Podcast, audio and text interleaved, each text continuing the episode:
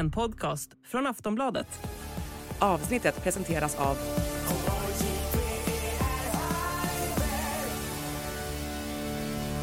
Stödlinjen.se, åldersgräns 18 år.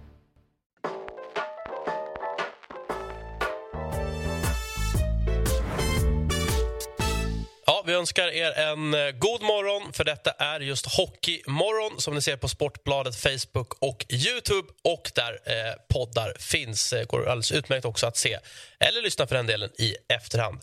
Vi har Knäckta, Ros och Lagus eh, med oss idag. Eh, det, det låter som ett, liksom ett rätt bra gäng när man säger de tre namnen i följd. Och Kviborg också. Ja, vad snällt av Får vi inte glömma. Ja, men mitt namn är lite för långt för att liksom platsa in i, i, i era, tycker jag. Mm, tycker du det? Slippa Abrahamsson, Larsson och andra tråkiga namn. Ja, det var den Ja, piken därför jag ville får få fram. med. Ja. De har för dåliga efternamn.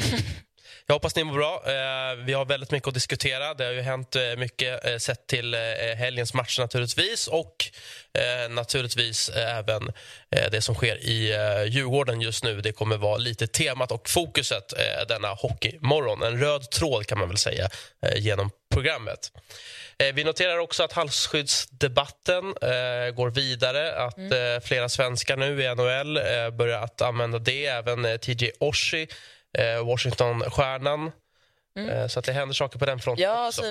Jag såg Erik Karlsson också hade ett halsskydd som liksom verkligen stack ut och gick hela vägen upp till hakan. Alltså, förhoppningsvis som är där för att stanna.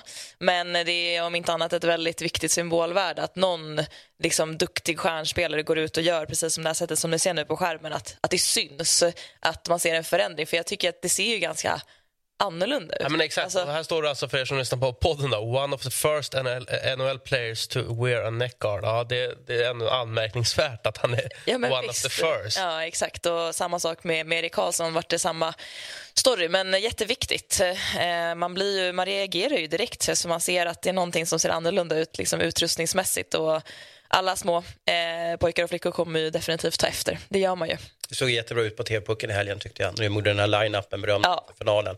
Alla, alltså halsskydden satt ju helt perfekt tyckte jag. Mm, eh, jag vet att du har pratat också med, med Viktor eh, Björkung som var på isen Mm. i samband med den här hemska dödliga olyckan i England. Precis, och det är ju det, det som ligger bakom det här som sker nu. Att, att hockeyvärlden börjar fundera på att vi måste steppa upp säkerheten för spelarna och spelarna själva fattar om, om de vågar se de här bilderna. För de är de mest kusliga bilder jag sett på en... På en eh, Ja, de är, de är alltså, vi är verkligen varna för... Ja. Det eh, för men- många kanske men- inte värt att titta på, Nej, man ska vara ärlig.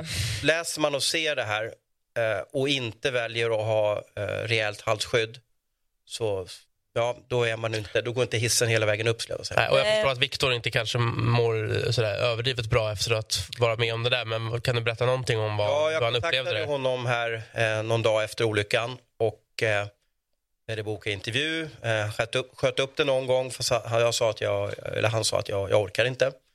Eh, sen gjorde vi intervjun, eh, du kanske lyssnar på den, lyssnar på den i. Ja. Ja.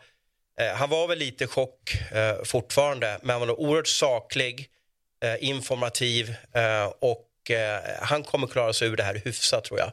Sen är frågan hur många av hans lagkamrater kommer, kommer lösa det för att det här, det här vill man nog inte vara med om.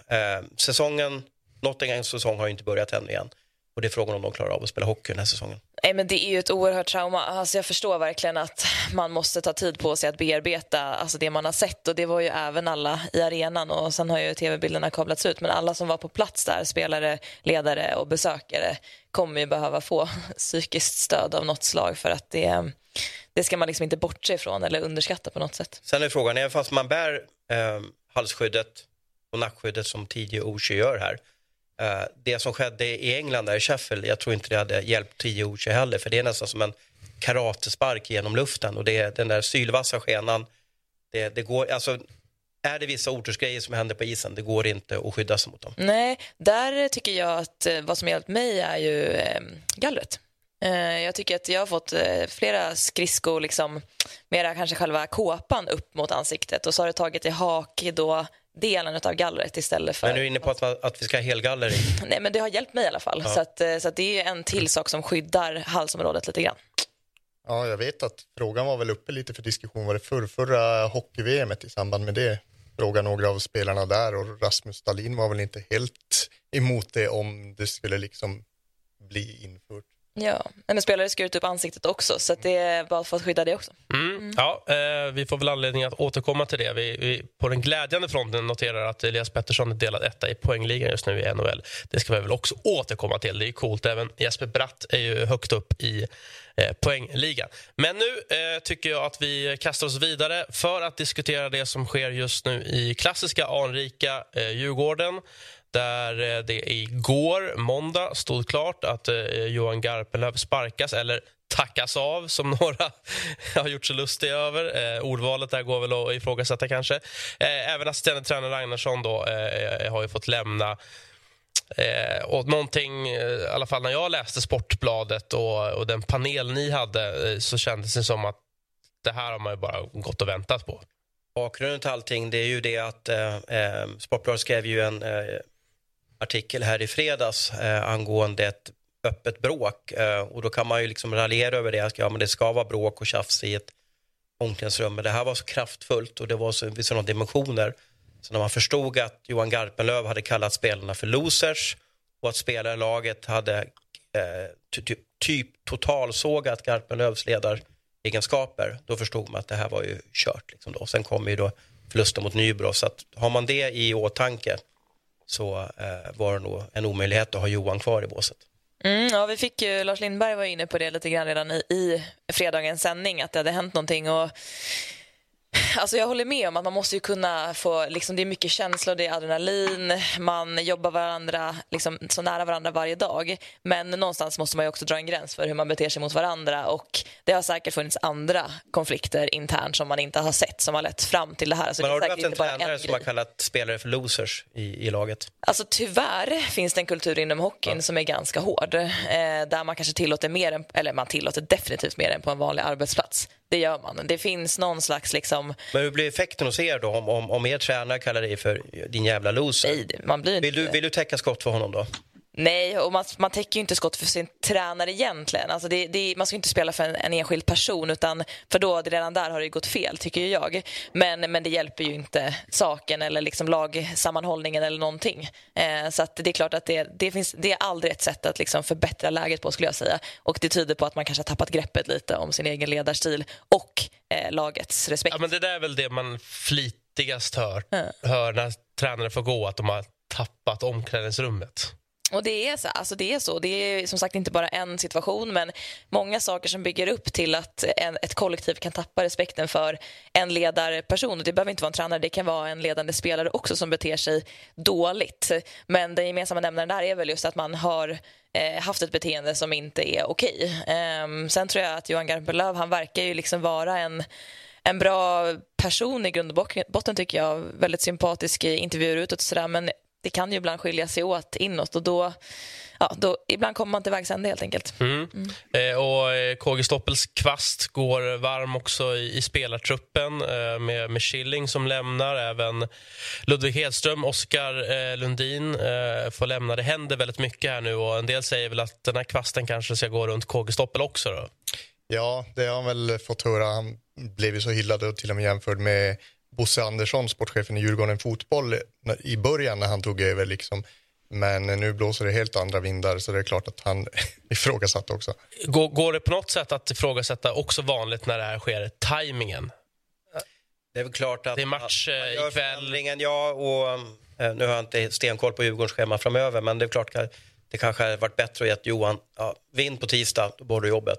Förlorar du så kommer vi byta ut dig en sista chans då. Eh, men jag tror det var ohållbart efter förra veckans mm. mediastorm. Eh, tyvärr så blir det ofta så att eh, media kanske anklagas för varför, varför kommer det här ut? Det här ska ju inte komma ut och så vidare. Men när det väl kommer ut och alla diskuterar det, då vågar inte storsponsorerna stå fast med kanske någon längre tänk utan då, då agerar man direkt.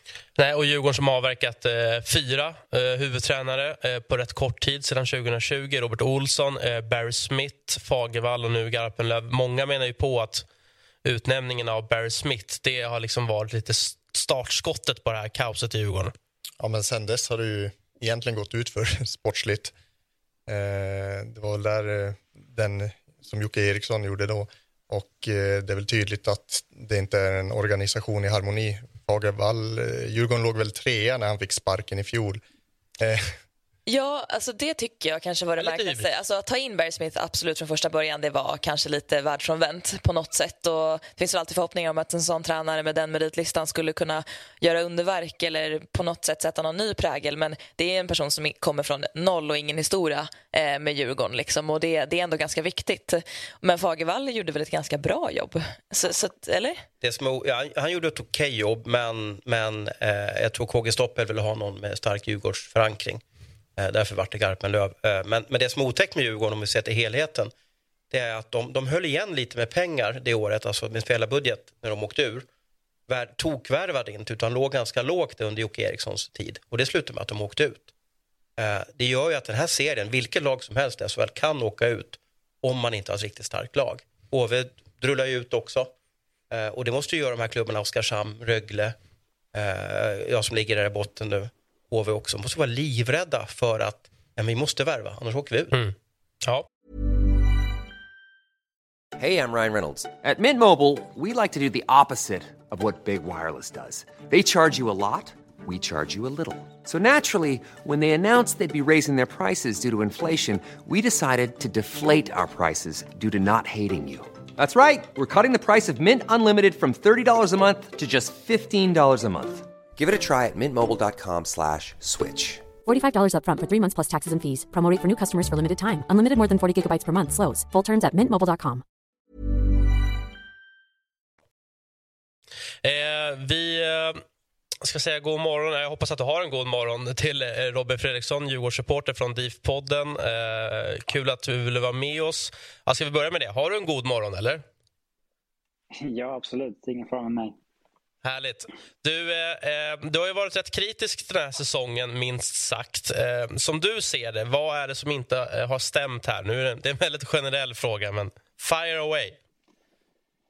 Ja, alltså det är ganska mycket som inte har stämt i Djurgården de senaste två åren som har lett att vi har hamnat eh, här. Men eh, alltså just den här säsongen i det korta perspektivet, eh, bara på isen så är det väl ganska simpelt att peka på målvaktsspel och eh, powerplay. Eh, det är väl det, det enkla svaret. Ehm, annars har man varit tillräckligt bra för att ligga på en ja, fjärde, femte plats där mitt i gröten bland alla andra lag. Eh, Djurgården har egentligen inlett den här säsongen bättre än man inledde förra säsongen.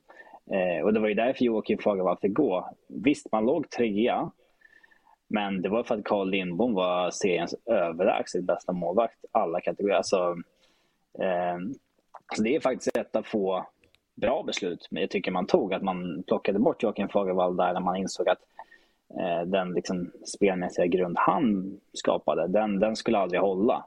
Eh, och Djurgården blev faktiskt mycket bättre över en natt så fort Garpenlöv kom in. Eh, sen vet inte jag vad som fallerade till i år där. För att, eh, jag menar, december till maj var allt guld och gröna skogar med Joakim Garpenlöv då. Så att man väljer att förlänga och sen så får man höra i oktober att han har tappat den här gruppen eh, på liksom väldigt kort tid. Jag, jag förstår inte riktigt hur det, hur det kunde gå till. Det är ju samma spelargrupp i princip, samma ledande spelare. Eh, men eh, om de här uppgifterna om det här bråket är helt korrekta, då eh, fanns det ingen återvändo. För så, så grovt verkar det ändå ha varit att en, eh, en lagkapten och en tränare eh, eh ja, går head to head sådär i ett omklädningsrum och att eh, andra måste gå in och bryta. Då, eh, visst, man kan gömma sig bakom det här försvarsmekanismer som att eh, ibland måste man rensa luften och bla, bla, men eh, jag tror inte att sådana där grejer är positiva någonsin. Utan det, Och, och vad, vad säger du om beslutet då att låta just Garpenlöv och Ragnarsson få gå? Då? Det, det låter som att du ändå är, är, är positivt ställd till just det. Ja, eh, främst på den grunden. Att liksom, har man tappat hela laget, inte att man råkar ligga där man ligger i tabellen just nu. Du kan vinna två matcher, sen så har du ett helt annat läge. Så det, eh, det, det handlar mest om det. Så att, eh, då fanns det ingen återvändo. Då tycker jag att det, då måste det göras, eh, tyvärr. Jag såg lite banderoller på Hovet här i fredags. Eh, Det fanns lite diskussioner om, om eh, löner för För ja, det var det jag tänkte fråga. Är det spelarna man vill kritisera att de ska göra skäl för lönen? Eller är det ledarna? Eller vilka är det som man är i supportleden mest besvikna på? Jag, jag har försökt driva linjen senaste veckan kanske att det är, det är kanske dags att vi slutar titta på, på KG Stoppel och på... Eh, ja, liksom, ska vi hänga en fjärde tränare på två år här nu och det är dens fel alltihop. Eh, det är kanske dags att det börjar riktas lite fokus på spelargruppen också som Ja, du sa det tidigare Thomas, vi, är, vi spenderade mest pengar i SHL den säsongen vi åkte ur. Vi spenderade överlägset mest pengar på spelartruppen förra året i Hockeyallsvenskan och var, ja visst, en match från att gå upp men vi kom på en fjärde plats i serien tack vare Carl Lindbom. Ehm, och i år, jag tror inte att det finns eh, något annat lag än Brynäs som har lagt mer pengar på truppen i år. Och ja, det kanske är dags att eh, spelarna hamnar lite mer i skottgluggen än bara ledare. Vem tycker eh, Djurgårdsfansen ska ta över laget? Vad är drömnamnet för dig? Uh, ja, alltså jag tror väldigt många är oerhört trötta på att Djurgården verkar ha ett kontaktnät som inte sträcker sig längre än folk som har varit på Hovet och jobbat tidigare. Eh, och jag... Eh, ja, jag kan ju förstå att alltså, det kommer bli Hans Erkijärvi nu. Eh, jag kan köpa den lösningen om den grundar sig i att man, eh, man har ju fortfarande, man letar en VD och man letar en sportchef och man vill inte utse en sportchef innan en VD är på plats. Man vill göra det här i rätt ordning. Och då vill man även utse att nästa sportchef kanske ska utse nästa långsiktiga val. Så är det så att man nu bara eh, vill ge nycklarna till Mikael Holmqvist, grön tränare, säsongen ut, men måste backa upp honom i båset med en erfaren ledare. Då kan jag köpa att det blir Hans Erkijärvi säsongen ut. Eh, men han, det, det, är en kille som har väldigt, väldigt gott rykte i Djurgårdskretsar, men eh, det, är, det är såklart också en väldigt förlegad eh, hockey, hockeytränare. Det finns en anledning till att han tränar division 1 eh, nu. Det är inte bara eget val att han vill ta det ganska lugnt utan Eh, han, hans era är nog förbi. Så jag ställer, men jag ställer ganska mycket förhoppning här till Mikael Holmqvist. Han har väldigt gott rykte. Eh, och jag hoppas att det är han som får styra en del. Han har ju tränat många av våra spelare i 20 tidigare och eh, medan Hans Särkijärv har ett ganska stark historik av att vara ganska feg med att spela en del juniorer. Eh, och det, det är någonting Djurgården Hockey absolut inte får vara i det här läget. Jag tycker att man saknar väldigt mycket ungdomlig entusiasm i det här laget. Eh, det är en alldeles för stor del av truppen som inte tycker att det är roligt att åka till Almtuna eller till Tingsryd. Och eh, det kan jag förstå att Linus Klasen inte tycker, till exempel. Men därför behövs det en del yngre förmågor som brinner alla de matcherna också. Så där får en sån som Särkijärvi inte fega. Eh, utan där måste man fortfarande våga, våga satsa på sina egna ungdomar, tycker jag. Vem eh, vill du ha som sportchef då? Har du något namn där? Ja, eh, det har jag väl. Eh, vi, vi, snack, vi skapade faktiskt en shortlist på sju, åtta namn i vår podcast. Då. Men det är klart att Tony Mårtensson, som det pratas lite om, är ett intressant alternativ. Jag är inte helt under på att det är liksom Eh, slam dunk att få in honom, men det är klart att det är ett intressant alternativ. Jag har hört att han jobbar ganska hårt. Eh, ah, men han har inte så lång historik. Eh, han har inte hanterat så höga krav och ambitioner i Almtuna. Eh, de har ett ganska bra... De har inte mycket pengar att jobba med, men de har ett ganska bra geografiskt läge. Många som vill bo i Stockholm som Eh, kanske inte får jobb i Djurgården AIK som hamnar där. Eh, spelare som kanske vill plugga i Uppsala hamnar där. Eh, Mårtensson är AIK-are? Ja, han är väldigt AIK-förknippad men han har väl aldrig liksom spelat i AIK, inte ens på, liksom, um, inte ens på knattenivå som jag känner till i alla fall. Eh, så jag tror inte att han eh, jag tror inte att han skulle ha något emot att ta jobbet om det erbjöds men eh, jag, jag, jag är inte heller emot att ta någon... Helt färsk. Eh, men eh, det måste inte vara någon som har jobbat som just sportchef. Man kan ju ha haft en annan roll tidigare också. Eh, man kan jobba som NHL-scout och ha jobbat med, med det i 10-12 år. Vi hade en kille som hette Viktor Nyblad som var inne i KGs Advisory Board förra året som eh, skulle kunna vara ett bra alternativ också. Det måste vara någon som är stöpt i den moderna hockeyn. Eh, och det, det har Djurgården saknat under många, många år. Alltså Djurgården har ju på något sätt tappat det man var de senaste 20 åren. Um, Djurgården är en klubb som vars DNA är att man har lett utvecklingen i svensk hockey. Man var den första föreningen som liksom hade en sportchef.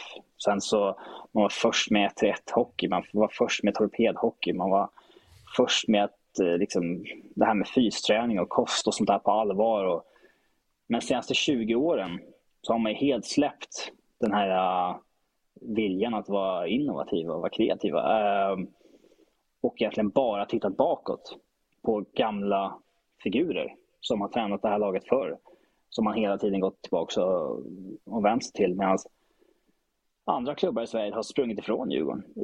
Och det är anledningen till att man överhuvudtaget befinner sig på nedre delen av Hockeyallsvenskan nu. Så att, uh, därmed vill jag ha en sportchef som eh, ja, är mer stöpt i det moderna. Jag vill inte att man bara använder den här gamla eh, kontaktboken med gamla djurgårdare. Eh, det måste man bort ifrån. Mm. Det är rent av som en fördel om det skulle komma någon helt utifrån som inte har någon Djurgårdskoppling whatsoever med tanke på att det är så många spelare och ledare som har det känns nästan som att det har varit ett krav att man ska ha en Djurgårdskoppling för att komma in i det här laget senaste åren. Ja, eh, jag tror att många supportrar hade tyckt att det var ganska uppfriskande att få in någon utan Djurgårdskoppling som bara åstadkommit någonting. Inte, ja, helt enkelt komma bort från det, från det spåret. Jag kan förstå att det blev Johan Garpenlöv förra året som, eh, alltså sparkar man en tränare mitt under säsong, det är inte så mycket som är ledigt då. Det ser vi nu också. Eh, jag, eh, jag hade väl kanske velat att man fixade en långsiktig lösning nu på en gång men jag kan också förstå att man måste vänta in en ny sportchef som ska få välja sin gubbe. Eh, så att, ja. Härligt Robin. Eh, kloka ord från dig. Eh, mera eh, Djurgården kan man få då i, i din podd, DIF-podden. Stort tack för att du var med och en, en fortsatt trevlig morgon. Ja, samma. Tack. Och Det är väl en, en illa dold hemlighet då att det blir eh, säcken eh, med största sannolikhet. Han tränar i division 1 nu, Visby-Roma eh, och att han ska komma in då så länge eh, Visby får in en ersättare för eh, Särkijärvi. Är det en bra lösning för Djurgården säsongen ut? Um, det är väl en lösning som är hyfsat enkel och inte behövs så stor eh, karusell runt det hela. Um, en drömvärld så tycker jag Djurgården skulle ha köpt loss Kimby och Mårtensson från Almtuna. Kostar ganska mycket pengar och eh, det är lättare kanske att köpa en tränare från Hockeyettan än från Hockeyallsvenskan. Eh, Säcken kom in till Djurgården för tio år sedan, tog upp dem till SHL i samma läge som de var nu. Han har gjort det förut. Eh, Robin stirrar sig blind på vad som står i Säckens pass. Eh, det kommer ju vara emot honom och Djurgården om de inte lyckas år. Djurgården är ju faktiskt närmare att åka ur Hockeyallsvenskan än att ta sig uppåt från Hockeyallsvenskan. Så det är väl ett vettigt namn. Eh, hade jag varit eh, ordförande för Djurgården så hade jag försökt att gå för eh, Mårtensson och Kimmy. Ja, men jag köper definitivt hans resonemang om att om man vill ha en långsiktig sportchef och en vd som ska utse den här sportchefen så är det svårt att, att hitta en lösning som är, ja. är långsiktig och det ja. kanske Mårtensson och Kimby är. Om de eh. håller sig kvar nu så ska man nog tänka om. Men det, det, Hockeyallsvenskan är en grym serie, det går inte att vara långsiktig där. De här storklubbarna, Björklöven, Djurgården, Brynäs, de ska upp nu. Inte om tre år. De ska upp idag. Nej, precis. Och det finns en plats. Det är väldigt mycket snack. Alltså när man pratar om Djurgården eh, så är det, det är Garpenlöv dit och det är KG Stoppel som sitter på olika eh, stolar. Och, ja, men det verkar som att organisationen är långt ifrån satt. Men vad har spelarna för ansvar? Nej, men... det, är ju, det är ju inte en jättedålig hockeyallsvensk trupp Djurgården sitter inne på. Nej, verkligen inte. Och Jag tycker att man måste kanske sätta ett ännu högre ansvar på spelarna. Och Jag tänker liksom hans resonemang att Klasen inte tycker att det är kul att åka till Almtuna. Men alltså vem bryr sig? Alltså jag tycker verkligen att det är så himla tråkigt om man väljer att skriva på för en klubb där man också har sina sympatier eh, och får Precis, chansen att spela hockey. i- i- i alltså, du vet ju gäng. om vilka du ska möta Ja. också. Vadå, Det är inte så att du skriver på för Djurgården i Hockeyallsvenskan och sen så väljer att spela bara de roliga matcherna mot Brynäs och Björklöven och väljer att prestera där. Fast Klasen älskar hockey så det spelar ingen roll för honom om han åker. Nej, exakt. Jag säger inte att det är så nu, men nej. det resonemanget Ja. finns nog kanske begravt hos någon annan spelare i Djurgården. Det kanske inte är just Klasen, men jag kan absolut tänka mig att man blir lite fat and happy. Och eftersom vi vet att de har nästan högst spelarlöner också i Hockeyallsvenskan, om inte Brynäs kanske ligger lite högre, så det är ju risken eh, faktiskt. Det har ju varit genomgående i år, de gångerna Djurgården har gjort bra matcher. Det har ju varit till exempel hemmapremiärer mot Björklöven, derbyt mot AIK, alltså stormatcher. Sen har det inte varit lika kul. Nej. Men vi säger att Micke Holmqvist då, som ska coacha, vara huvudtränare ikväll mot Tingsryd, om de vinner, om de, vi säger att de vinner med 6-1. Ja, men låt Micke fortsätta då tills det, liksom, tills det vänder. Tills han torskar. Ja, ja. Då Men klart, han ut. måste, han måste ju få en chans, eller hur? Ja, Ja, det absolut. Ja, jag håller med. definitivt. Jag Alltså, man håller kan ju med. inte veta vilken tränare som kommer passa i en grupp eller med sin typ av ledarstil förrän man har fått testa. Eh, Och det är precis som Robin säger, att han ligger ju bakom många av de här Läckeremäki, Östlund, eh, Carl Lindbom, och nu är inte han målvaktstränare mycket, men det är han som har haft dem i, eh, på, på hockeygymnasiet. Och, så han, och de unga tycker han är jättebra. Sen är frågan om han går hem hos Norman, Brodin, Kryger, den- den äldre skaran då. Mm, vi får se. Match ikväll alltså redan eh, för, för Djurgården. Eh, TV-pucken har avgjorts. Eh, knäckta, du såg några matcher va? Ja, Härligt. Eh, Stockholm tog fjärde eh, titeln på fem år, eh, besegrade Södermanland. Eh, och eh, ja, där dominerar ju Stockholm. Men eh, det, det speglar sig ju inte liksom uppåt sett till, till SHL. Nej, men eh, det är ju så om du tittar runt på spelarna i SHL, det är jättemånga som har Djurgårdskoppling, Stockholmskoppling överhuvudtaget, men de eh, hamnar ju i andra klubbar ute i landet nu när inget av lagen är i högsta serien. Så ju. Nej, och hockeygymnasium spelar väl en stor roll också. Absolut, absolut. Men eh, Stockholm är det största distriktet och det visar ju sig på TV-pucksnivå år efter år. Nu överraskande nog tog ju sig inte Stockholm Syd till slutspelet. Eh, det var istället Södermanland och Stockholm Nord som gick vidare från den gruppen också, också möttes i finalen. Mm. Flexibility is great. That's why there's yoga. Flexibility for your insurance coverage is great too. That's why there's United Healthcare Insurance Plans. Underwritten by Golden Rule Insurance Company, United Healthcare Insurance Plans offer flexible, budget friendly coverage for medical, vision, dental, and more. One of these plans may be right for you if you're, say, between jobs, coming off your parents' plan, turning a side hustle into a full hustle, or even missed open enrollment. Want more flexibility? Find out more about United Healthcare Insurance Plans at uh1.com. Och eh, på flicksidan, Dalarna.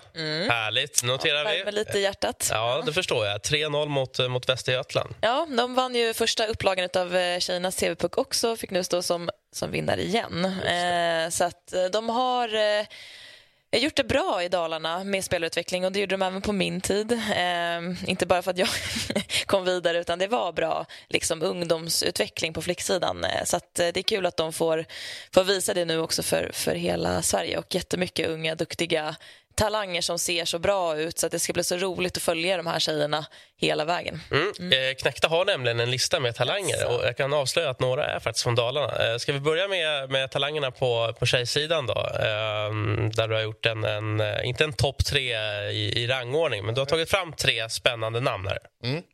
Eh, ja, men vi kan ju börja med hon som eh, jag skulle kalla som TV-puckens drottning nu när vi sammanfattar det här. Det var Tilly Ytfält, forward i, i Dalarna, lagkaptenen där.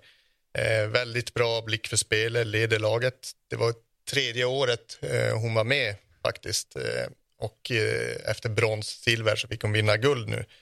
Eh, och har faktiskt redan debuterat för Leksand i SDHL. Bra, bra hockey-DNA på henne också. Det är I släkten finns ju David och Fredrik Ytfält också. Då. Mm, Okej. Ja, hon är, är otroligt duktig. Jag satt också och kollade nu på finalen framför allt. Och, eh, stor spelare som använder liksom sin storlek redan nu på ett otroligt bra sätt. Och har liksom, man kan tänka att ibland är 15-åringar ganska gängliga. Att antingen är man snabb men har ingen puckkontroll eller samma puckkontroll men är långsam för att man har växt så mycket. Men hon kombinerar det på ett jättebra sätt och är väl också anledningen till att hon kanske har fått gjort en match i SDHL i år. Hon debuterade mot AIK eh, för en dryg vecka ja, två veckor sedan då, kanske, eh, det nu. Ehm, och verkar ha gjort bra ifrån sig. Så det är jättekul att, att, att man ger unga talanger chanser. Ehm, och det ska bli kul att se hur ja, hon fortsätter utvecklas. Det är så tidigt i deras karriär ännu, men, eh, men det är kul att få, få se dem i den här scenen redan nu. Mm. Mm. Ett mål och ett assist i finalen och mm. hattrick i kvartsfinalen tror jag hon gjorde. Mm. Vi håller oss kvar i Dalarna då. Ja, hennes lagkamrat eh, har jag plockat fram en back där, Chloe Berntsson, eh, som också har öst in poäng. Hon har gjort 27 poäng på åtta matcher om vi räknar in kvalet och varav 15 mål. Eh, hon är en sån som verkligen följer med i anfallen. Trots att hon är back så kan hon mitt i allt vara längst fram och ha ett friläge. Liksom. Eh, så hon var riktigt rolig att se och hon har väl flyttat upp till Luleå nu också. Precis, hon verkar vara fast besluten om att eh, hitta det absolut bästa hockeygymnasiet kanske då, eller miljön för att utvecklas eh, i sin fortsatta hockeykarriär. Så att hon bytte då eh, Leksand till mot Luleå. Eh. Stort skön i media också. Ja. Hennes svar var ju magiska, man bara log att, att eh, helt filterfri och sa exakt vad hon och hon sa, jag tror på tjejerna, jag tror på tjejerna. Ja, det var så uppfriskande och otrolig profil och ja, näst bästa backen någonsin, förutom Jenna Raunio i TV-pucken, att, att, göra poäng. Då. Så det, det är någonting som damkronorna behöver, eh, tycker jag, offensiva backar eh, och SDHL överlag. Så att, eh, mm, det ska bli jättekul att följa henne. Och målvakt har du hittat också? Ja, eh, då har vi Tindre Andersson i eh, Västergötland. Eh, turneringens bästa målvakt, eh, tycker jag, och eh, en stor anledning till att de tog sig till final och att de hade chansen att vinna. Eh, drygt 94 i räddningsprocent Oj. och eh, ja, eh, Västergötlands klippa. Och på killsidan, eh, mycket forwards noterar jag. Ska vi börja med, med Oskar Holmertz i ja. Eh, Östergötland? Ja, eh, Östergötland är ett lag där det framförallt ett starkt kollektiv men där han verkligen stack ut en av spelarna som glimrar allra mest. Eh, Anders Holmertz, Simman är för övrigt hans farbror. Eh, men han avgjorde kvartsfinalen mot eh, Dalarna på mer eller mindre egen hand. Han gjorde två mål och två assist, fyra poäng där. Och högt hockey-IQ ser man och en eh, riktig sniper på isen. Mm. Vi tar oss vidare. Christian Furuvik eh, från Södermanland. Ja, eh, den jag imponerades mest av i Södermanland eh, tillsammans med av backen Hjalmar eh, Kilte och eh, målvakten Hampus Flodqvist. Men jag plockar ut eh, Furuvik här för att ja, han gjorde dels ett riktigt vackert solomål som, i semifinalen som gjorde att de tog sig till final och en center som verkligen driver laget och gick i bräschen i det här Södermanland. Och Viggo Björk, forward i eh, Stockholm Nord, mm. segrarna. Lagkapten, eh, han var väl den det har snackats allra mest om i den här eh, 08-kullen och eh, han visade ju varför också när han faktiskt avgjorde finalen i förlängningen och ja, verkligen visade varför han är så uppsnackad. Driver laget både på och utanför isen. Han verkar ha väldigt bra ledaregenskaper som är lite sällsynt i den här åldern. Och stod ju för en magisk passning i om det var semifinalen eller kvartsfinalen också när han var på väg runt målen men släppte den på första stolpen. Eh, hade många duktiga lagkamrater i Stockholm Nord där också. Eh, Marcus Nordmark och Pax Kleffner gjorde också mängder av poäng men Viggo Björk blev tungan på vågen. Mm, spännande. Det första jag tänker på, jag måste bara säga det, att hockey måste bli mer mångkulturellt. Uh, tyvärr så, så är det för klassiska svenska namn här. Mm. Vi behöver se uh, efternamn som, som härstammar från andra länder för att hockeyn ska kunna växa och bli riktigt stark i, i folkhemmet. Ja, vi pratade ju mycket ja. om det förra eh, veckan med, med Johnny Odoja också. Eh, men det, min känsla är lite grann också att, så här, att hockeygymnasien i Stockholm kan väl inte vara helt jävla omöjligt att, att slänga upp. Alltså med, med, med det liksom upptagningsområdet som finns i en huvudstad, tänker jag. Nej, men det är... Ja, det här kan man lägga ut länge och jag vet att vi måste gå vidare i körschemat men eh, hockeygymnasieintaget börjar inte i hösten på nian utan det börjar långt tidigare och eh, det vet inte alla om. Den kunskapen sträcker sig liksom inte utanför svenska folkhemmet tänkte jag säga, men knappt. Och det är långt att det sträcker sig inte ens liksom ut till gemene eh, hockeyspelare hur man kan liksom lägga upp sin utveckling för att komma in på ett hockeygymnasium. Bra fråga faktiskt att ta upp. Eh, den, den ska vi spara tycker jag och ta vidare. Eh, vi kör en liten sån här TV-pucken-övergång till Mattias eh, Tjärnqvist. Eh, du har ju spelat den turneringen. Silver med Skåne. Vad, vad minns du från turneringen? Nej, det var en, en spännande del av eh, livet egentligen. Det, just TV-pucken och allting med allt vad det innebar. Med första gången vi får spela, spela i TV. Till det. Eh, men sen tycker jag någonstans att det har blivit en väldigt uppstorad grej att är man inte med där så blir man ingenting heller. Så det, jag tycker spelare som inte kommer med som ska fortsätta att kriga för det är många som har tagit en annan väg för att komma och bli bra. Mm. Eh, om vi eh, pratar lite mer aktuellt då. Eh, Astien i Malmö, det känner väl de flesta till. Eh, ett, ett Malmö som, eh, ja, nu får ni berätta Rosoknäkten vad ni tippade dem i tabellen här, eh, men som parkerar på en fjärde plats ändå. Och jag har sett en hel del av, av Malmö den här säsongen. Jag, jag är imponerad. Vad, vad har ni gjort specifikt mer för att ändå ligga högt upp i tabellen? Nej, men för det första har väl Malmö och Björn i spetsen gjort ett bra rekryterarjobb och få in bra spelare till eh, årets upplaga. Och, eh, sen har vi kommit ihop som ett lag och jag tycker just den delen är nog den största. Att vi som lag har ehm, vi kämpar för varandra. Vi, sitter ihop eh, och vill alla väl. Hur eh, bidrar man som assisterande tränare till att gruppen ska komma ihop? Vi har pratat mycket om det här gällande Djurgården och deras eh, inledning av säsongen. Eh, hur kan du på bästa sätt liksom bidra till att, att man lyckas med det? Ja, men det är någonstans att vara närvarande tror jag också. Att, eh, det finns ju mycket videostatistik och allting men i själva verket är det människan vi jobbar med så det gäller ju att vara där och eh, och, eh, ibland klappa om och ibland får man säga till. Och, men just närvaro tror jag är viktigt. Många tippade ju Malmö, alltså botten fyra och jag var säkert där. Jag har inte mitt tips framför mig. Jag måste fråga, vad har hänt med rösten? Ni, har du tjatat boxplay med, med Barnekow eller var det lagfesten i lördags? Eller hur mår du? Nej, du, du är familjefar. Ja, okay, ja, ja, ja. Förkylning alltså. Exakt. Små barn. Nej, men det är väl de tiderna nu där man, eh, ja, man är ibland lite tätt näsan, så det är väl det, är väl det som styr. Eh, jag noterar att ni har yngst snittålder i SHL tillsammans med Rögle. Märks det på isen och hur ska du beskriva det? Ja, men, jag, jag, jag, man märker det i omklädningsrummet. Jag tycker alla alla kommer eh, överens på ett väldigt bra sätt. Så jag, jag, tycker vi sitter ihop som, som grupp och eh, det tycker jag man ser på isen också att man krigar för varandra där ute. Och vi har två bra, väldigt bra målvakter och, eh, som stöttas av backar och backarna stöttas av forwards. Så jag, jag, tycker vi sitter ihop som ett bra lag där ute. Och det är det som jag tror är framgång, framgången. Ja, du nämner ju målvakterna. Det är svårt att inte ta upp Daniel Marmenlind som, som har kommit tillbaka eh, från lång skadefrånvaro eh, och som ja, men bokstavligt talat har, har spikat igen i, i många matcher. Vad betyder hans comeback för er?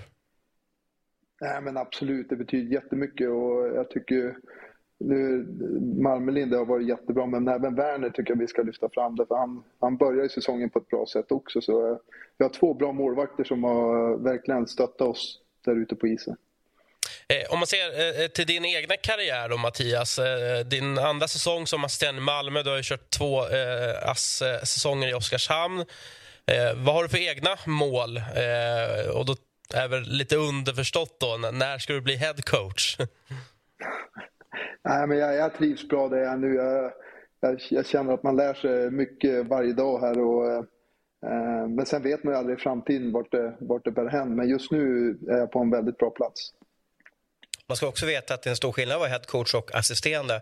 Kom ihåg Janne Karlsson i Frölunda. Han var ju ass i Frölunda i 15 år. Eh, du riskerar inte lika mycket som en headcoach att få sparken. Det är ganska skön tillvaro att liksom vara där lite bakom. Eh, sen kanske om man vill framåt så kanske det vore kul att testa att vara headcoach. Men det är ett helt annat jobb med en risk som, som tillkommer. Vad är dina liksom, primära arbetsuppgifter då, som assisterande tränare just i Malmö? Vad, vad är din liksom, bästa del i ditt ledarskap? Ja, men eh, just nu håller jag ju just offensiva spelet med powerplay och offensiva zon. Men sen är det ju att, alltså, fast man har spelat under en, många, många år så då, man kan ju inte allt. Och det försöker jag också säga att även, även jag har fel där ute och kan se fel. Så jag är mycket öppen för, att, för en dialog men sen är det ju vissa ramar vi håller oss inom i, i vårt spel som vi, vi, måste, vi, vi måste följa. Då. Så, eh, men just att vara lyhörd och vara öppen och eh, samtidigt kunna säga ifrån, det är väl det som är min stora grej. Jag måste också fråga Mattias, eh, med tanke på din historik med många säsonger i Djurgården, två SM-guld eh, med, med, laget som nu är i botten av Hockeyallsvenskan, Garpenlöv har fått lämna. Vad säger du om Djurgårdens ras här, från, från toppen i SHL till den situationen man befinner sig i idag? Så har man ju ett man har ju ett Djurgårdshjärta och eh, har spelat många år i föreningen och eh, hade förmånen att vinna två guld med, med Djurgården också. Så det är klart man följer och, följer och ser vad som händer där och jag tycker det är tråkigt att de har hamnat i den situationen de har hamnat i med att behöva sparka Garpenlöv och allting. Så eh, ja, jag hoppas de rycker upp så här och hittar en väg framåt. Härligt Mattias. Eh, jag önskar dig en fortsatt eh, god morgon och eh, stort tack för att du var med i Hockeymorgon. Tusen tack, så ska jag kraxa till mig så jag blir jag en bra röst inför spelarna. Mm. Ja, det är bra. Ja. Helt rätt. Bra, vi tar oss vidare i, eh, i showen. då. Eh, vi ska väl alldeles strax eh, länka upp oss igen. Det är ju ett uppehåll också som stundar. Det är ju för sig ett rätt bra läge om man nu vill göra en förändring på ledarsidan. Vi har sett Djurgården göra det nu kanske vissa SHL-klubbar bör tänka de tankarna. HV har gjort det exempelvis. Men det är en klassisk period ju. Ja, men är det uppehåll i Hockeyallsvenskan också? Jag funderar nej, alltså det. i, eh, i SHL. SHL eller? Mm. Ja. ja, nej men definitivt. Och det ska bli superspännande att se Djurgårdens match mot Tingsryd. Det blir ju lite som när man såg HV första gången efter dem. Eh, skickade sina tränare. Så det, ja, det blir väldigt intressant. Och, och rent historiskt, eh, gårdagen, eh, alltså första dagen på, på eh, Kaila Tournament-uppehållet det kommer nästan alltid ett pressmeddelande från någon SHL-klubb eller någon hockeyallsvensk-klubb att de gör en förändring. För det, det är den mest liksom, typiska situationen där man, där man gör någonting. Men om pressmeddelandet då kommer klockan 15 eh, en tisdag, när har du kommit till Thomas Ros telefon då? Ja, det, det vet jag. Men det, de skickade ju 09.30 tror jag går. Den tiden, eller 09, är nog det mest alltså, urtypiska som finns. För att då har de meddelat truppen, kanske skickar så WhatsApp-meddelande precis några minuter innan och så har de ett färdigskrivet pressmeddelande. Eh, vi trodde inte att de skulle byta dagen innan match, Nej. men det vart nog en storm så att det gick inte att ha kvar eh, Johan. Det är lite som man, får, man ska få reda på så här risiga beslut från typ politiker. kommer 23.30, fredag, löningshelg. så ja, hoppas eller, att eller, ingen ska läsa det. Eller mitt under, det är också förstått, mitt under en uh, melodifestivaldeltävling. Ja, det är en klassiker också. Ja, det finns några bra luckor där. Mm. Liksom. eh, vi säger god morgon till eh, Marcus Ljung, eh, center i formstarka Linköping. Vi har pratat en hel del om, eh, om TV-pucken. Eh, och du har ju spelat den med, med Västmanland. Vad minns du från, eh, från den tiden och den turneringen och vad har det betytt för dig? Ja, god morgon. Eh, ja, betytt och betytt. Det var väl roligt vid den tidpunkten att, att få vara med. Eh, sen kommer jag ihåg att vi, vi hade eh, våran, vad ska man säga, våra matcher var, var på hemmaplan i, i Surahammar var de. Eh, jag kommer ihåg att vi mötte Dalarna och Gästrikland och sen kommer jag inte ihåg det tredje laget. Eh, men vi, vi lyckades inte ta oss vidare därifrån. Eh, ja, det, det, det, det är väl det är väl ingen så här stor grej i min hockeykarriär, men där och då kanske det var, var, var, just det. Men inget så här som jag, jag, jag minns med superglädje. Nej. Bara för att ge en helhetsbild här. Eh, hur många från ditt lag nådde till Hockeyallsvenskan och SHL? Eh, Oj. Eh, det var väl några, ett gäng som, som eh, har varit med tror jag. Det är Johan Gustafsson, eh, Daniel Gunnarsson, Anton Myllre. Säkert någonting, no, någon mer som jag har glömt. Men ja, eh, en handfull. Eh, men inte mer. Mm, så det budskapet du vill, skulle vilja skicka till liksom, unga spelare är att det inte är avgörande att spela TV-pucken eller inte för att lyckas i sin hockeykarriär? Nej, gud nej. Mm. absolut inte. Uh, vår, vår lagkapten har inte spelat TV-pucken. Uh, det har gått bra för honom också. Mm, ja, för dig också får man väl ändå säga, Marcus. Du har ju firat 400 SHL-matcher. Eh, och LOC, eh, vi pratade lite med Mattias Tjärnqvist innan eh, i, i Malmö. Också ett lag som tippades långt ner och så var det även för er i LOC. Men nu är, är ni uppe på en tredje plats i SHL. Är du själv överraskad över starten på säsongen? Eh, alltså både ja och nej. Jag, jag, jag, eh, jag, jag tycker ändå att jag, jag, tyckte det var skönt att vi fick am, eller behålla ganska många i laget från, från förra säsongen. Eh, sen, sen tror jag, eh, därav tippningen, att vi, vi, i stort sett skulle få samma lag eh, som, vi, som vi hade förra till i år. Men vi, vi hade lite.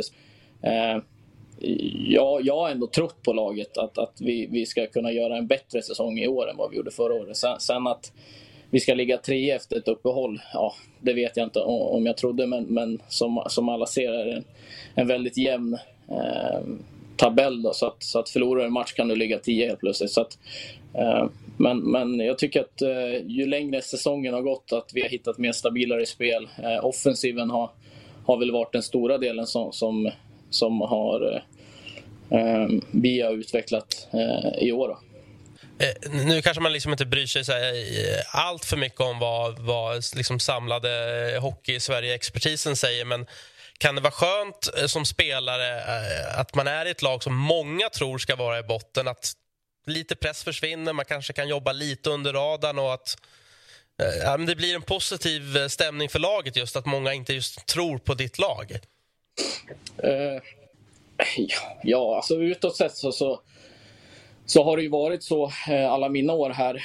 Sen så tycker jag själv att vi har haft en annan kravställning, en annan både fansen och, Peter som ny sportchef, sen Stålhammar som ny klubbdirektör vi har satt högre krav än vad, vad de utåt sett har gjort. Så att vi har väl satt en, en inre press, om man säger så, på oss själva. Liksom.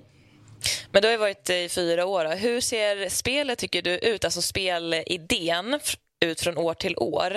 Eh, är det liksom positivt och en fördel att ha någon liknande spelidé om man har samma trupp eller har ni utvecklat den mycket över tid och liksom hittat rätt i år? Eh, ja, alltså jag tycker att sen jag kom så har det ändrats ganska mycket spel, spelidé eh, år till år. Eh, med, med, med, nya tränare som har kommit in. Eh, Ja, nej, alltså jag kommer bara ihåg när jag var i Djurgården. Då, då, då, spelade jag nästan på ett samma sätt som jag gjorde alltså i sex år. Liksom. Eh, så att, eh, jag kan tycka att det är ganska skönt att, att sätta spelidén och sen hitta spelare efter det eh, sättet och, och, och, få in dem. Men, men funkar det inte så måste man kunna vara öppen för att ändra saker och det, och det har vi varit. Eh, så att, eh, till exempel i år så, så hade vi en ny strategi med vårt försvarsspel som som vi, vi, vi, kanske inte var supernöjda med efter sju, åtta matcher som, som, vi, som vi tittar på vad, vad vi kan göra bättre och ändra lite små saker som, som har hjälpt oss att bli bättre och bättre. Liksom. Det jag har slagits av och imponerats av är moralen i, i matcherna. Till exempel, ni har väl vänt två stycken tremålsunderlägen? Ja, eh, det har inte hänt så ofta, eh, vilket eh, är ju såklart en styrka. Som vi har. Så att, så att hamnar vi i de situation, situationerna här framöver så, så vet vi att vi kan vända matcherna. Men, ja, men det har väl att göra med att jag tycker att eh, laget är spännande. Jag tycker att eh, vi har fyra kedjor som, som, som kan hjälpa till. Rollfördelningen är tydlig. Eh, så att eh, känslan mot Oskarshamn var att vi kan vända det. Och, för egen del, eh, sedan någon månad tillbaka eh, tillsammans med kanadensarna Ty Ratty och eh, Rama Ellie. Eh, det kändes ju som ett rätt bra drag att få ihop er tre. Ja, eh, jo men det, det, det, det, var spännande. Jag, jag pratade lite med Claes om, om det där att han, han ville få in eh, Remy på vingen med, med mig och Ty. Då, så att, eh, sen dess så tycker jag det funkar bra. Eh, Ty levererade så, att, så att det, det, det, det, är engelskan varenda dag liksom, så att, eh, som man får jobba med. Eh, men det, Hur är din hockey-engelska då? Ja, men den är bra måste jag säga. jag, jag har spelat med många engelsktalande i, i mina år. Så att, eh, och jag sitter bredvid Remy så att det, det, det, det är engelska dagligen. Ehm, så det är kul. Här. Ehm, men, det, ehm, ja, men det är två bra hockeyspelare. Nu kommer ju Greco in i truppen. Vad händer i hierarkin då? Och Sen försvann ju Kosmar. Får han då Kosmars plats i omklädningsrummet eller hur funkar sånt där? Eh, nej, han fick en, en egen plats. Eh, eh, Kosmar har varit utlånad här till, till, till Djurgården eh, som, som ja, de flesta vet. Eh, men ja, Greco ska in. Eh, ja, eh, har han tränat med er ännu? Han har inte tränat, ja det har han. Han har tränat en träning med oss. Det har varit lite, lite huller om buller med träningarna nu. Men han kommer väl in och kör hårt här från, på uppehållet. Då, så att han ska väl slussas in i någon kedja. Då, så det blir, det blir spännande att se. Eh, men ja, som vi sa, det, det, det ska ju, han ska ju in också. Liksom. Eh, så att, I ett lag som, som fungerar. Så att ja, men tränarna har lite att, att fundera på. Har du någon insikt som du vill dela med dig om var du tror att han kommer hamna eller är det någonting som du inte vill nämna här? Ja, jag, jag, har lite, jag har hört lite rykten. Uh, han kommer spela högerforward i alla fall, det, det vet jag. Sen, sen vilken kedja, det, det, jag har fått sagt det till mig, jag, men jag, jag vet inte om det kommer stämma. Jag kanske blev lurad, men uh, det kommer nog vara en spännande kedja. Han är ursnabb, va? Ja, men jag, jag, jag har inte fått se snabbheten än. Men det ska bli spännande att se. Lite kort om hemmaspelet. Varför går det så bra på hemmais i år? Sju, sju vinster och en förlust bara. Ni är nästan oslagbara där. Eh, ja, det är en bra fråga. Eh, eh, nej, men det känns som att vi, vi, vi har skapat någon sorts... Eh, liksom, det är våran boll. Vi, vi, eh, vi ska vara starka på hemmaplan i år. Vi, det ska vara svårt att slå oss här. Eh, vi vill såklart föra med oss det spelet till bortaplan. Men det är lite annorlunda att spela hemma. Och, och publiken har ju eh, varit där i år. Eh, vi ligger väl ja, topp fem i publikligan också. Så att, eh, bra grejer händer. Eh, varför vi ger oss chansen att vinna hela tiden? Jag vet inte, men jag, jag tycker att vi, vi, vi känns stabila. Eh, vi känns stabila och, och som sagt, vi, Eh, spelar ingen roll om, om vi ligger under så, så eh, kör vi liksom. Vi, vi, vi vill ändå eh, vinna matcherna liksom. Så att, det är svårt att svara på men det är kul att vi har kunnat rada upp vinsterna för, för våran publik. Då. Uh, det känns som stan behöver det. Vi har, eh, Marcus, haft ett tema här under morgonen med, med det som händer i Djurgården. Eh, du har ju sex säsonger i Djurgården. Vad, vad säger du om, om den situationen som Djurgården befinner sig i just nu?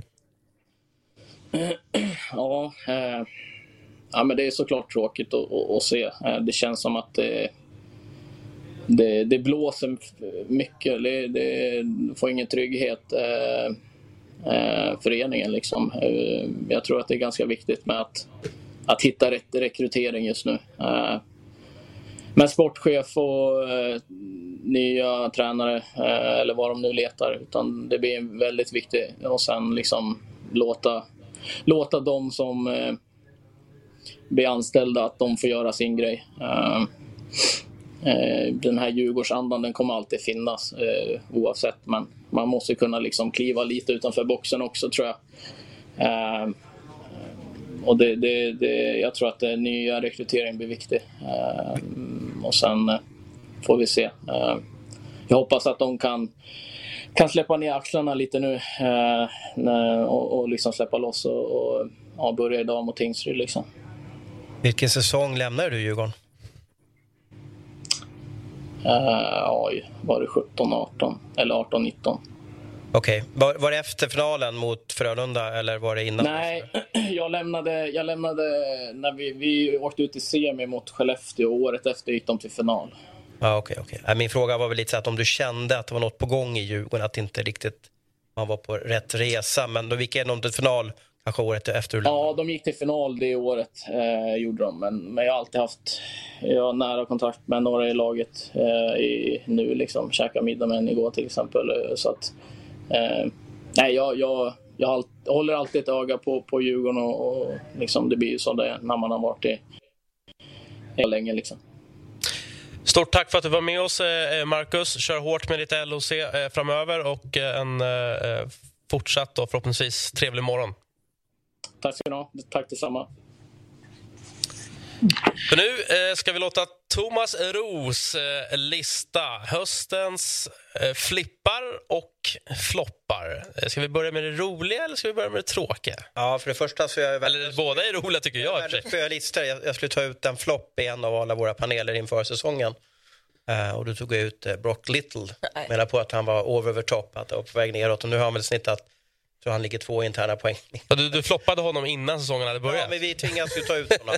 Ja, men jag kan trösta med att jag gjorde tvärtom och tippade HV femma i tabellen Ja, ja. eh, första programmet här. Så Så att eh, de som hamnar på en eventuell flopplista nu vet, nu vet i alla fall att jag kanske är usel. Ska vi börja med det roliga? Ja. Eh, och, sen, och sen avslutar vi. Ja, men det tycker jag. Det är kväll, kvällstidningsmässigt. Ja, men det, det är smart. Eh, Flipplistan då, eh, så eh, kan vi börja med eh, Tre då, nummer tre. Ja, precis. Rätt dramaturgi här, ja. Eh, ja, jag tycker att det var en oväntat bra nivå på domarna. Ja, tajmingen bara. Med tanke på det som hände i Jönköping här nu. Med de här två straffslagen. Mm. Precis. Jo, men det Från en väldigt rutinerad domare Exakt, men de gav, gick ut och bad om ursäkt också. Jättebra intervju. Det är fantastiskt stort och bra också. Att man... Det tycker jag verkligen. Och, och domarna, är inte de människor, eller? Ja. ja. Och vi människor gör ju misstag. Ja. Eh, jag tycker generellt att det har sett väldigt bra ut från, från zebran den här säsongen. Att det, var, att, att eh, det finns inte för mycket att, att gnälla på. Eh, jag tycker också det är bra när man kan granska de här lite större straffen. Eh, man tar inga match penalty direkt utan det avgör man efteråt. Så att, man, så att, så att Lärking och hans kompisar i, i bunkern där på Gärdet kan dubbelkolla vad som hände om det verkligen var en huvudtackling. Var då.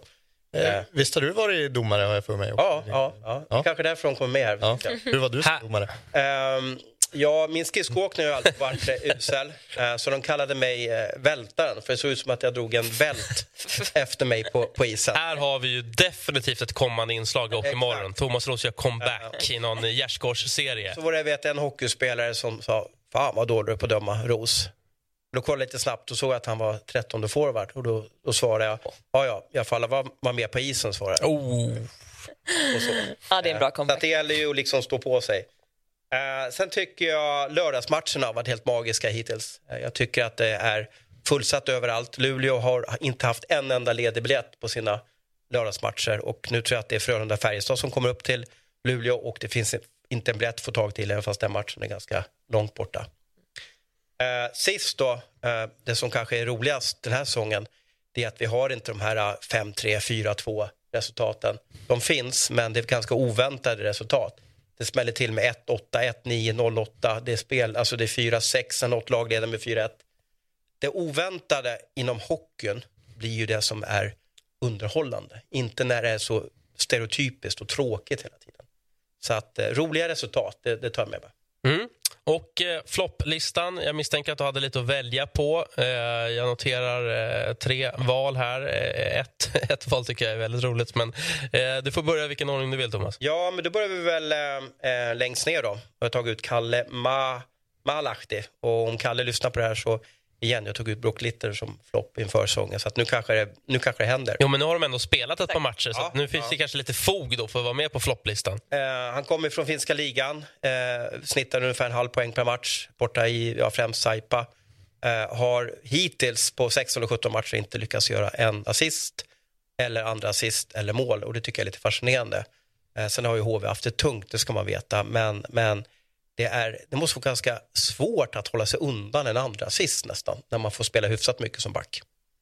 Mm. Och sen då det som jag tycker är bäst på hela listan är ju det, Ja, det men du det ska ju säga det nu. vi har ägnat mycket åt den här, i det här programmet. Det är ju liksom vad, vad håller Djurgården på med? med eh, Ja, men vi har ändå skrivit hela Djurgårdens Ja, men organisation. jag, jag tycker att det, är, det, det ser inte bra ut. Man, man saknar en sportchef, eh, man söker en vd, eh, nu söker man en tränare.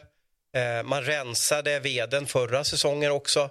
Eh, och det är, en ganska, det är en ny ordförande jag förstått också i, i föreningen. Vad, vad händer med Mesta Mästarna, den klubb som kanske har stärkst, starkst, eller bästa varumärket, eller starkaste varumärket i alla fall, bästa är ju väldigt individuellt, i Hockey-Sverige. Hur, hur kan det vara så här stökigt? Jag har en följdfråga där. Tror du att det finns, eh, att man drar sig för att ha en ledande maktposition i den här typen av förening när det finns så stort supportertryck? Ja, det är ju medlemsmöte i Djurgården på torsdag. Där skulle jag gärna vilja vara en fluga på väggen.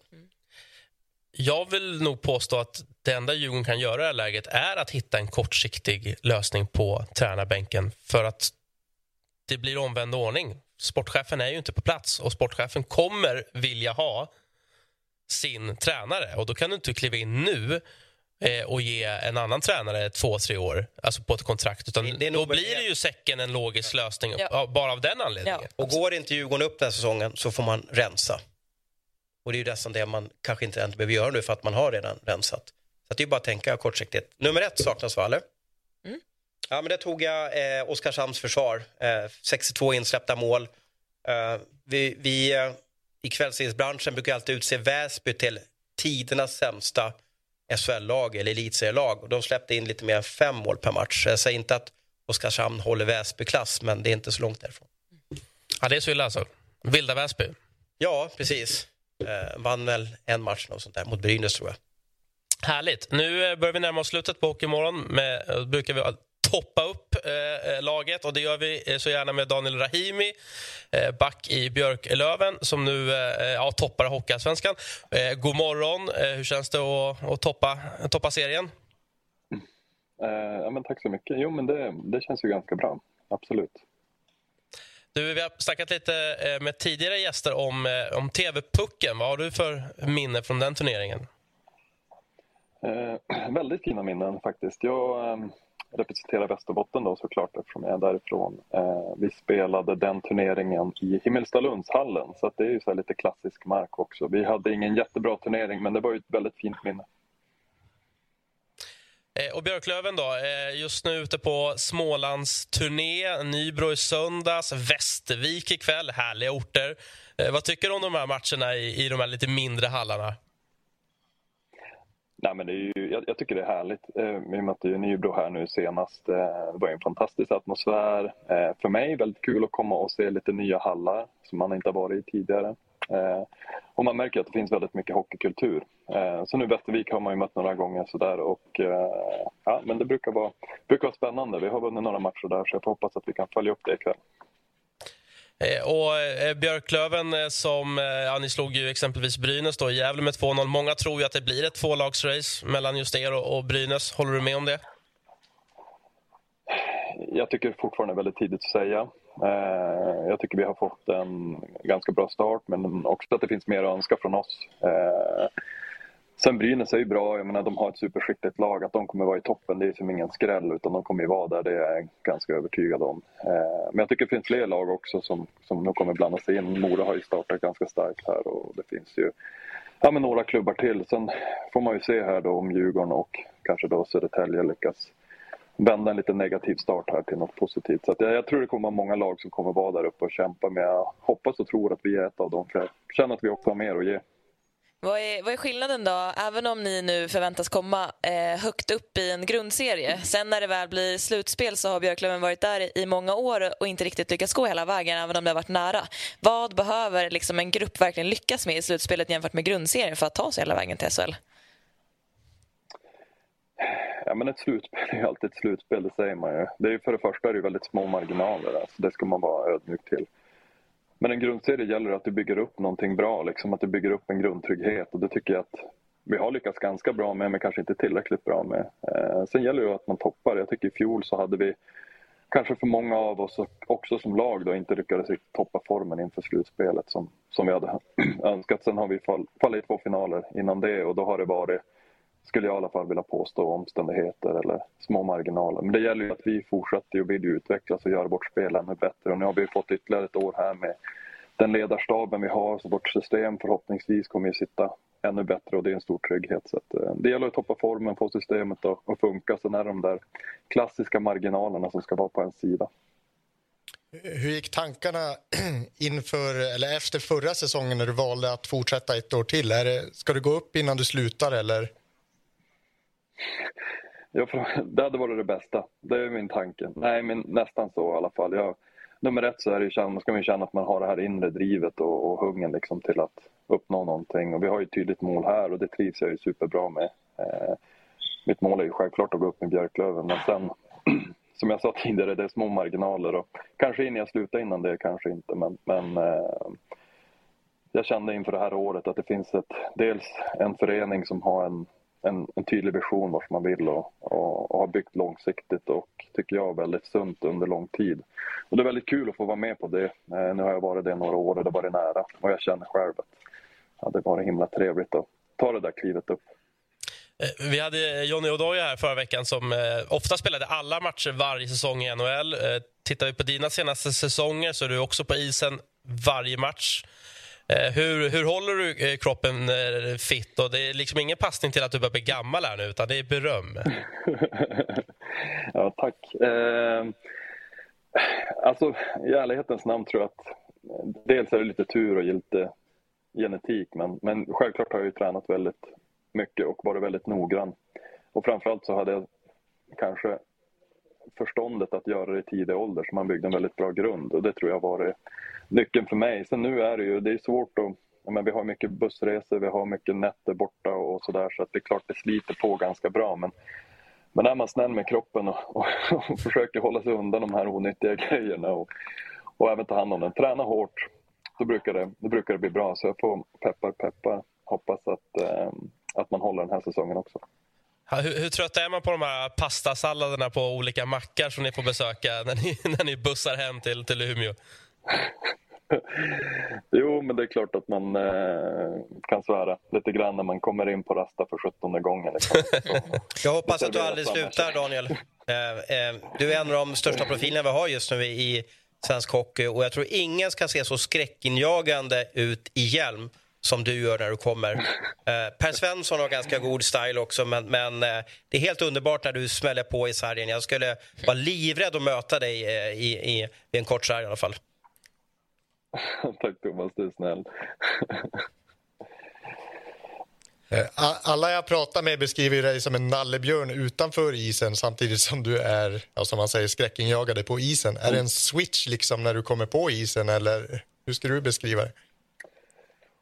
Ja, men jag, har, jag funderar på det där lite grann själv också. Varför det blir så där att man hamnar... Men jag, jag tror att... Jag ska inte säga att jag är en tävlingsmänniska i grunden, men så fort man drar på sig grejerna så då handlar det om att vinna och då, då vill man ligga där på gränsen och, och, och, och verkligen göra allt i varenda situation. Och det är kanske det som har lett en också till att man har kunnat hålla på så här länge, att man har det här inre drivet. Eh, sen utanför hockeyn menar jag har fyra små tjejer där hemma som man tar hand om och jag har mycket, mycket kärlek och värme i mitt liv så det är man ju tacksam för. Så kanske därför man är lite extra snäll. Men sen väl på isen så, som sagt, då handlar det om att vinna och då, då gör man det man tycker för stunden krävs och ibland är det ju att spela fysiskt. Eh, vi har haft också krisen i Djurgården lite som en röd tråd eh, den här timman. Eh, ni fick ju stryk där ju, 5-3 på Hovet. Då fanns det kanske inte jättemånga som kunde förutspå det som händer nu i Djurgården. Eller hur känner du kring det när du tänker tillbaka på just den matchen? jag tycker, som sagt, den bild jag har av Djurgården, den matchen vi mötte dem, då, då, då, tror jag de gjorde en bra match. Jag har sett att de har pratat mycket om den matchen och sett tillbaka på den som en av de ljusa stunderna i den här inledningen av, av säsongen för dem. Då. Men eh, samtidigt som jag tycker vi gör en ganska dålig match då. Eh, sen inramningen på Hovet är ju tufft att hantera. Jag tycker inte vi gjorde det jättebra den matchen samtidigt som de fick nog ganska mycket energi. Eh, men det finns ju mycket kompetens i Djurgården. Det är ju ingen som kan blunda för det. De har ett bra lag och, och bra spelare så att jag jag tror säkert att de kommer lyfta eh, hur länge serien går, men eh, det är klart de är i, tufft läge nu. Eh, men jag såg nog inte det här komma då, den matchen, om jag ska vara ärlig. Mm. Eh, avslutningsvis, eh, Västervik ikväll. Eh, vad tror du om den matchen? Eh, vi mötte dem två gånger hemma. Vi gjorde två väldigt bra matcher för vår sida, så jag hoppas att vi kan liksom följa upp den prestationen. Eh, Västervik är ju ett lag som är är ganska knepigt att möta framförallt på bortaplan och de brukar ju liksom kunna ta poäng av topplagen som vi är just nu så att eh, det gäller att vi är på tårna och fokuserade men gör, är vi det och, och, vi spelar vårt spel så, så ska vi vinna helt enkelt och det ska jag inte sticka under stolen med. Och vi är i god form och gott slag och eh, vi kommer gå in här nu i lite ledighet efter den här matchen så jag hoppas vi kan ja, men tömma oss, tömma oss ikväll. Eh, med en sista fråga. Vi har ändå kommit en bit in i säsongen nu men ni har fortfarande plusstatistik i boxplay. Alltså ni har gjort fler mål än ni har släppt in. Hur eh, kommer det sig och hur länge håller det i sig tror du? Ja, jag ska inte jinxa någonting här. Nej, men jag, jag tror mycket handlar om att dels att vi har en, en, en bra ledarstab som är Robban framförallt som har hand om boxplay som jobbar stenhårt för att ge oss bra förutsättningar.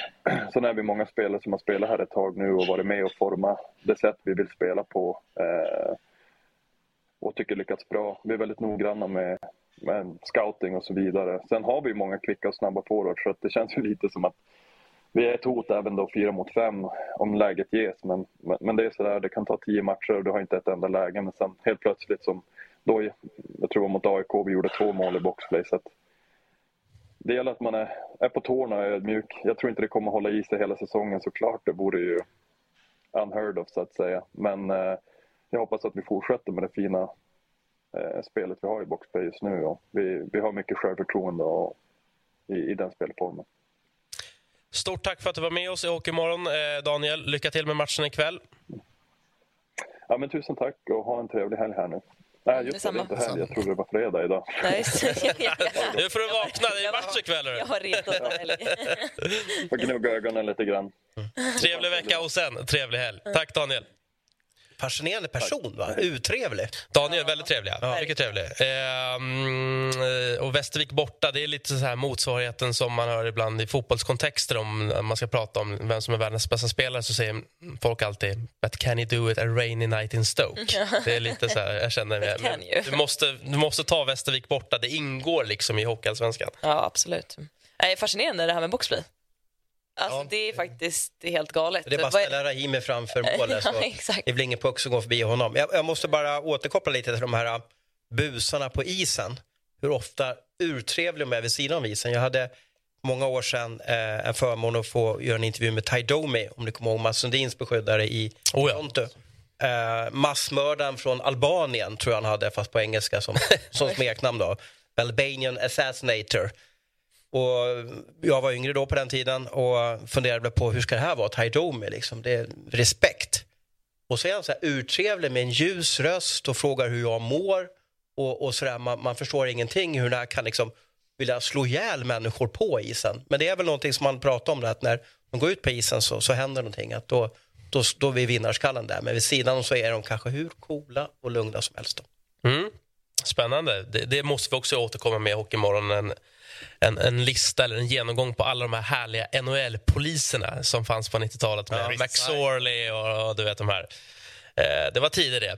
Eh, vi kommer att återkomma eh, på, på fredag. Då har vi lite hockeyallsvenska matcher som har spelats. Lite andra spännande saker kommer också dyka upp på fredag. Så det programmet ska ni inte missa. Det kommer bli superintressant. En fortsatt trevlig vecka då, och sen en trevlig helg också såklart.